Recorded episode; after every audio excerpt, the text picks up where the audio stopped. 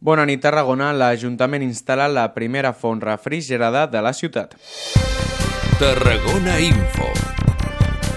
EMATSA i l'Ajuntament de Tarragona presenten el primer prototip d'una font refrigerada a Tarragona. Jordi Fortuny, president d'EMATSA, assegura que l'accés universal a l'aigua és una de les qüestions de les quals no podem defugir, tot i que aquesta font està pensada principalment per als visitants. Jordi Fortuny assegura que està previst instal·lar-ne més a altres punts de la ciutat si el prototip funciona. I veient el seu funcionament, la seva, diguéssim, funcionalitat i la seva conservació també, entenem que properament en podríem instal·lar d'altres eh, doncs, a la ciutat de Tarragona. Esperem que funcioni bé, esperem que es dongui bon resultat el conseller d'Interior, Joan Ignasi Helena, ha visitat el 112 de Reus aquest dimecres al matí. Els treballadors d'emergències critiquen que ha omès les peticions de reunió del comitè d'empresa, ignorant el conflicte laboral que fa mesos que perdura.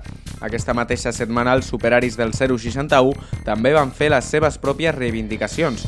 Miquel Vendrell, portaveu del comitè d'empresa, manifesta que el comitè organitzarà noves propostes i segurament de la mà del 061 i de fet les reivindicacions nostres i les seves van en la mateixa línia, són, són les mateixes. És conveni propi i internalització.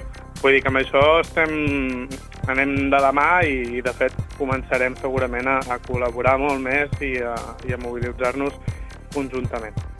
I en esports, el Club Bàsquet Tarragona ja coneix el calendari d'una temporada diferent i amb més places cap a les fases d'ascens a l'E Plata. Els blaus començaran la Lliga al cap de setmana del 2 i 3 d'octubre i finalitzaran el 2 d'abril amb l'objectiu d'estar entre els dos primers o optar a dues de les tres places als millors tercers. Quatre derbis, un viatge a Saragossa i un altre a Menorca són els grans atractius d'una temporada on per història el CBT no tindrà rival.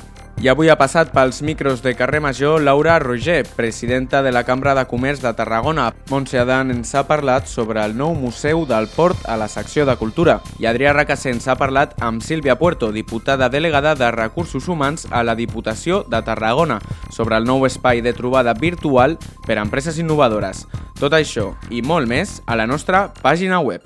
Segueix-nos a les nostres xarxes socials, Facebook, Twitter i Instagram i descarrega't la nostra aplicació per iPhone i Android.